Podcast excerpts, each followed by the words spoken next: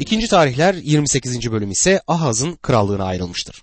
Yahuda'nın bir süre sonra kötü bir kralının olacağını biliyorduk ve işte şimdi o zamandır. O zaman İsrail'in kuzey krallığı esir düşmek üzereydi ve Yahuda'nın güney krallığı da göreceğimiz gibi Ahaz'ın günahlarından dolayı kötü bir duruma düştü. İkinci tarihler 28. bölüm 1 ve 2. ayetlerde Ahaz 20 yaşında kral oldu ve Yeruşalim'de 16 yıl krallık yaptı.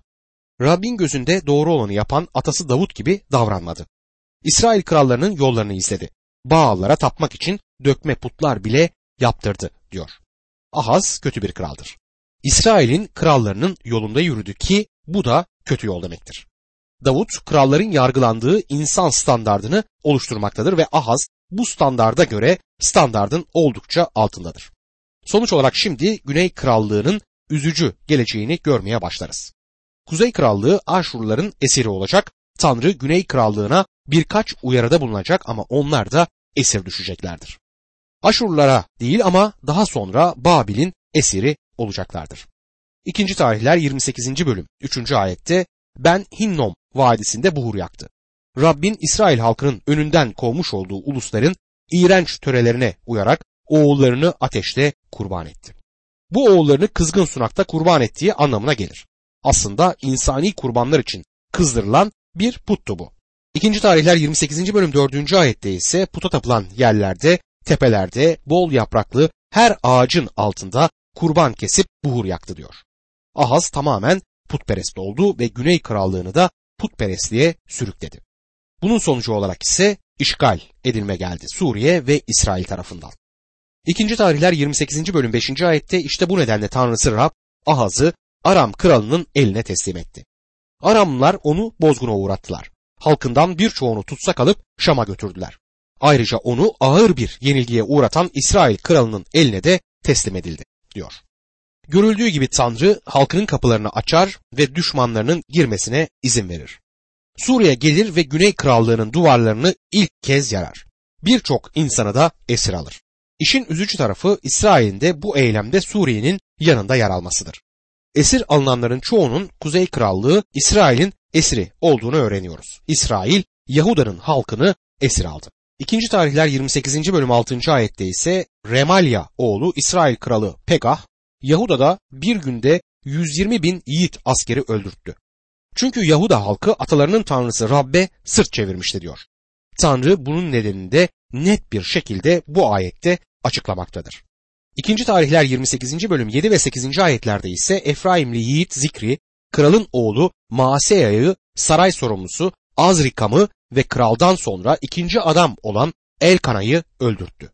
İsrailler kardeşleri olan Yahudalılardan 200 bin kadınla çocuğu tutsak aldı. Bu arada çok miktarda malı da yağmalayıp Samiriye'ye taşıdılar. Bu Güney Krallığı'nın başına gelen bir felakettir. Tanrı bunun olmasına Ahaz'ın ve halkın putperest olmasından dolayı izin verir. Tanrı şimdi İsrail'e kardeşlerine yaptıkları zalimliklerden dolayı konuşması için bir peygamber gönderir. İkinci tarihler 28. bölüm 9 ve 10. ayetlerde orada Rabbin Odet adında bir peygamberi vardı. Odet Samiriye'ye dönmekte olan ordunun karşısına çıkıp şöyle dedi. Atalarınızın tanrısı Rab Yahuda halkına öfkelendiği için onları elinize teslim etti. Ama siz göklere erişen bir öfkeyle onları öldürdünüz. Şimdi de Yahuda ve Yeruşalim halkını kendinize kadın ve erkek köleler yapmayı düşünüyorsunuz. Tanrınız Rab'be karşı siz hiç suç işlemediniz mi? diyor. Tanrı kardeşlerin esir alınmasını Leviller 25. bölüm 39 ila 40. ayetlerde açık bir şekilde yasaklamıştı. İkinci tarihler 28. bölüm 11 ve 12. ayetlerde peygamber devam ederek şöyle diyor. Şimdi beni dinleyin. Kardeşlerinizden aldığınız tutsakları geri gönderin. Çünkü Rabbin kızgın öfkesi üzerinizdedir. Efraim halkının önderlerinden Yehohanan oğlu Azarya, Meşillemot oğlu Berekya, Şallum oğlu Yehiskiya ve Hadday oğlu Amasa savaştan dönenlerin karşısına çıkarak diyor. Kuzey Krallığındaki liderlerden bir grup Güney Krallığından olan kardeşlerinin esir alınmasına karşı çıkarlar. İkinci tarihler 28. bölüm 13 ila 15. ayetler arasında ise tutsakları buraya getirmeyin. Yoksa Rabbe karşı suç işlemiş olacağız dediler. Suçlarımızı, günahlarımızı çoğaltmak mı istiyorsunuz? Şimdiden yeterince suçumuz var zaten. Rabbin kızgın öfkesi İsrail halkının üzerindedir. Bunun üzerine savaşçılar tutsaklarla yağmalanan malları önderlerin ve topluluğun önüne bıraktılar. Görevlendirilen belirli kişiler tutsakları aldılar, yağmalanmış giysilerle aralardaki çıplakların hepsini giydirdiler. Onlara giysi, çarık, yiyecek, içecek sağladılar. Yaralarına zeytinyağı sürdüler. Yürüyemeyecek durumda olanları eşeklere bindirdiler. Onları hurma kenti Eriha'ya kardeşlerine geri götürdükten sonra Samiriye'ye döndüler.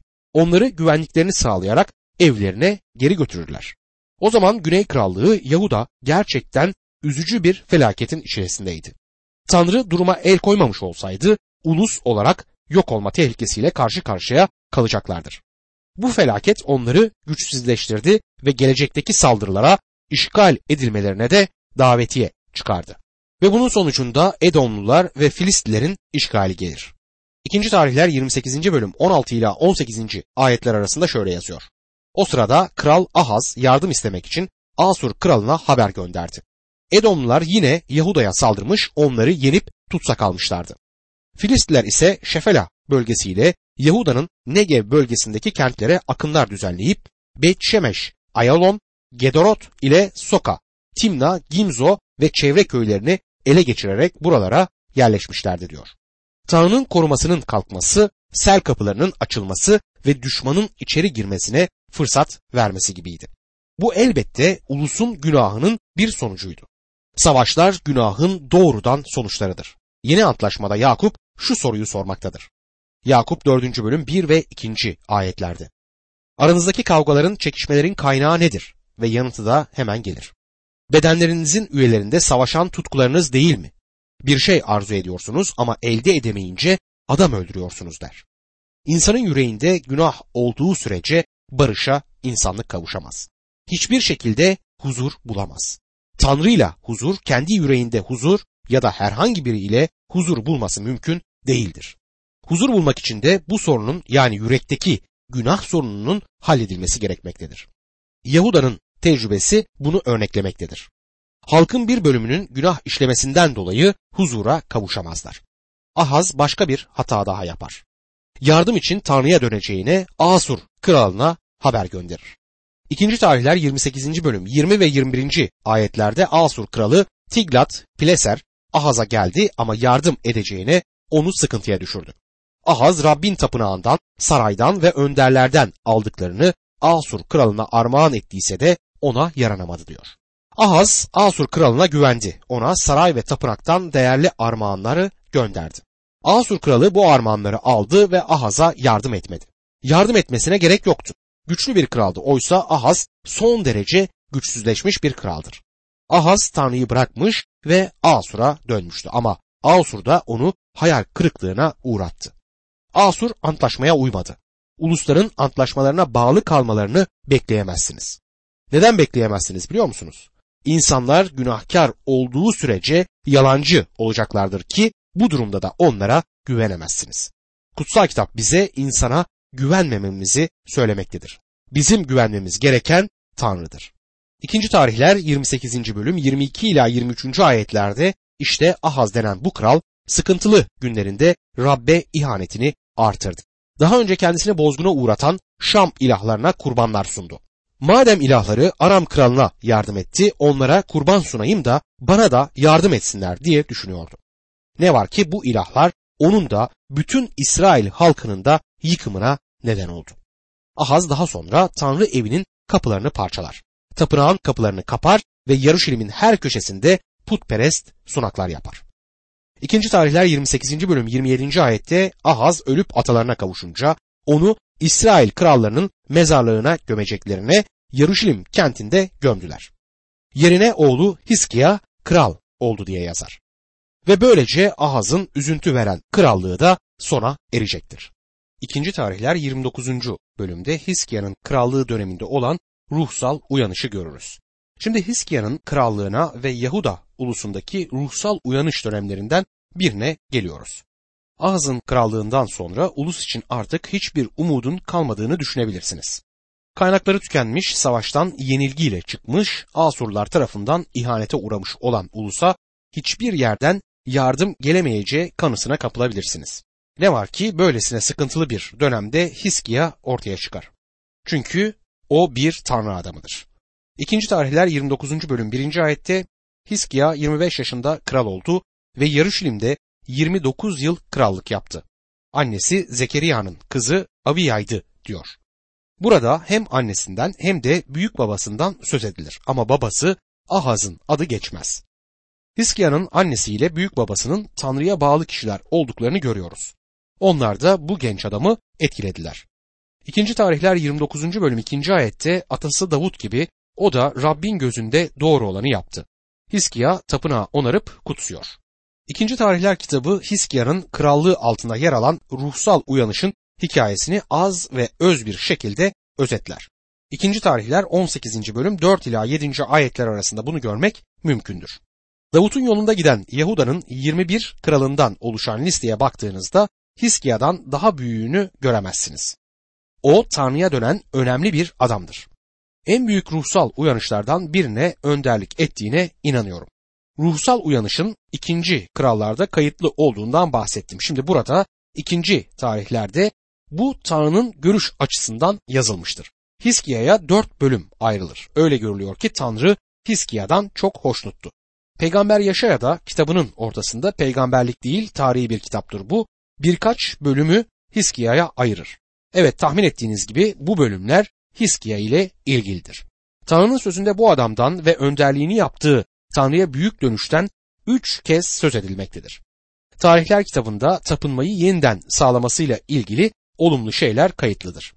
Krallarda ise yapmak zorunda kaldığı olumsuz şeyler kaydedilir.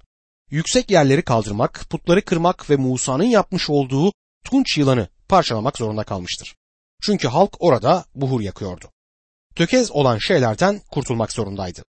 Onun adını Nehuş'tan yani tunç parçası koydu.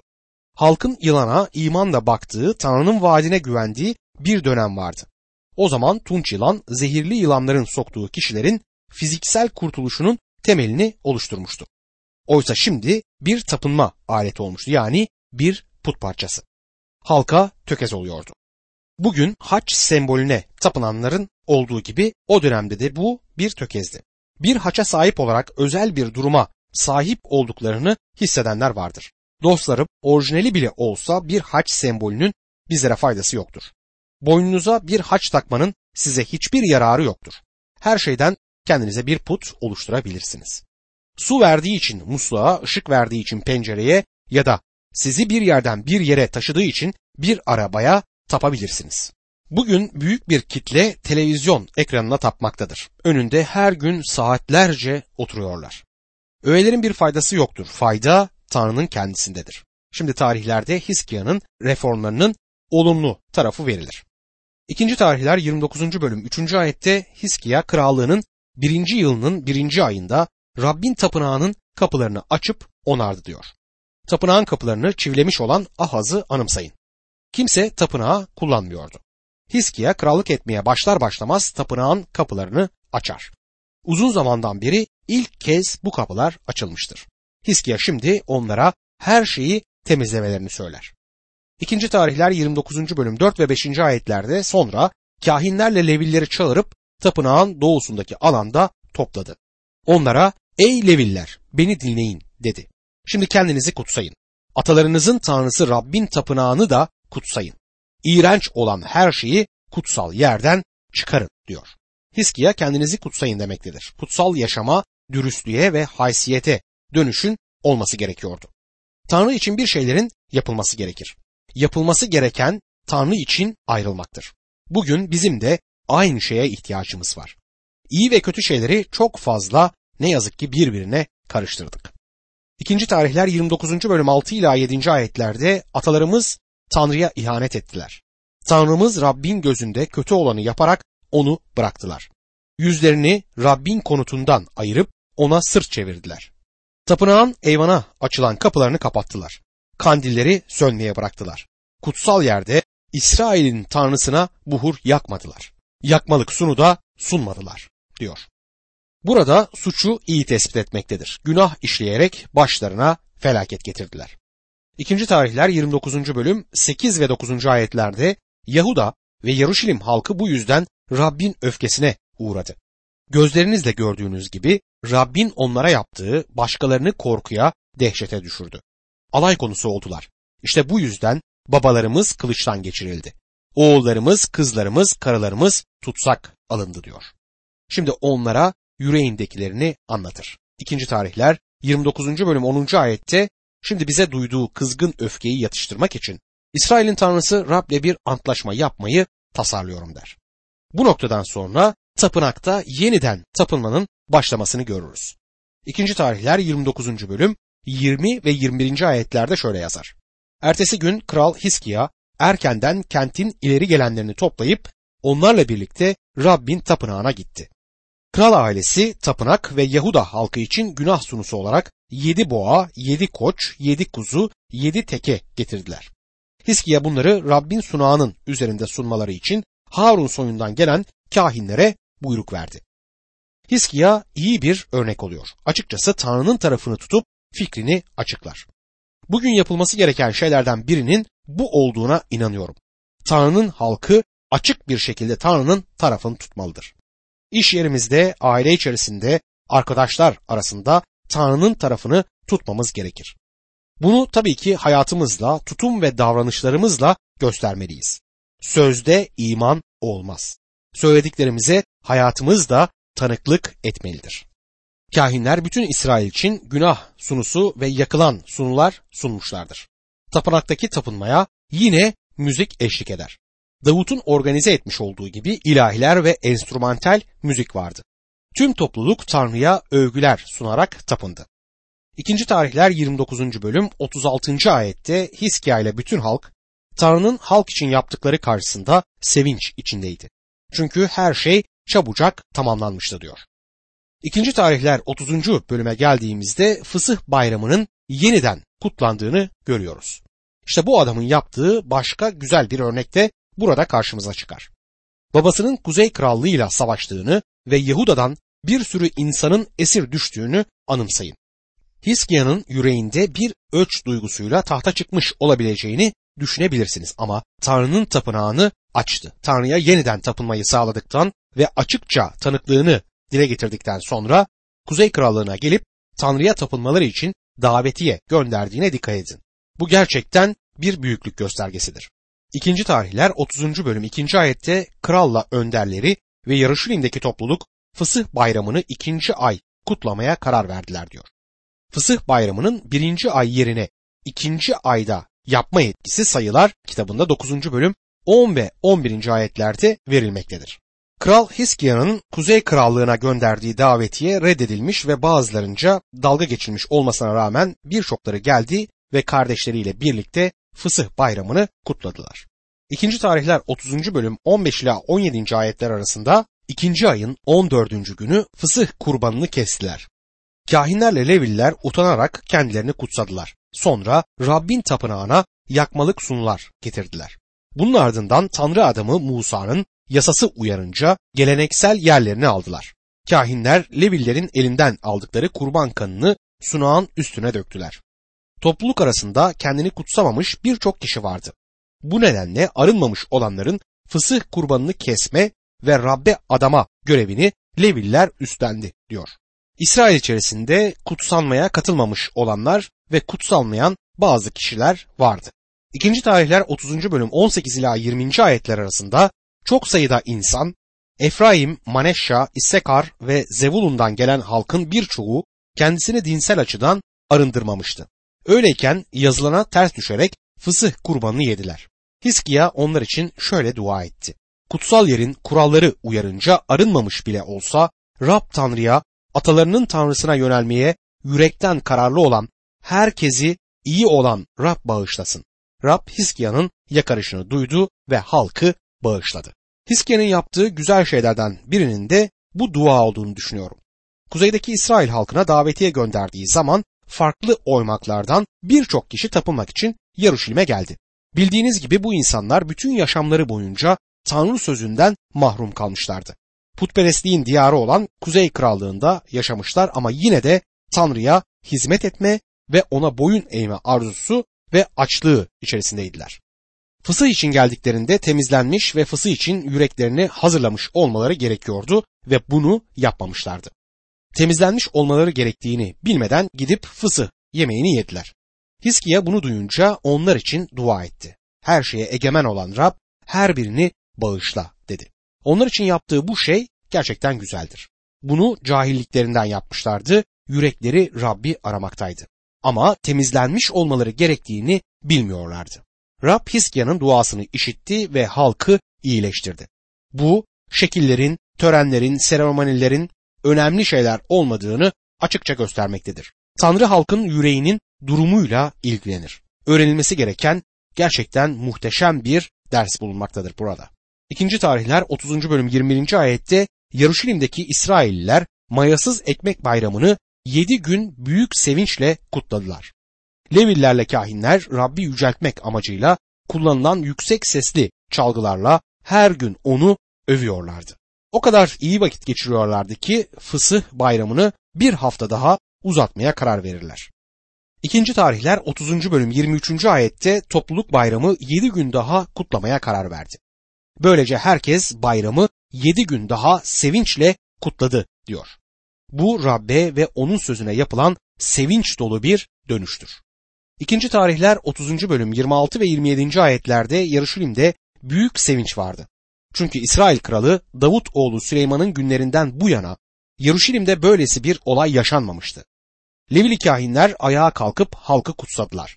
Tanrı onları duydu. Çünkü duaları onun kutsal konutuna göklere erişmişti diyor.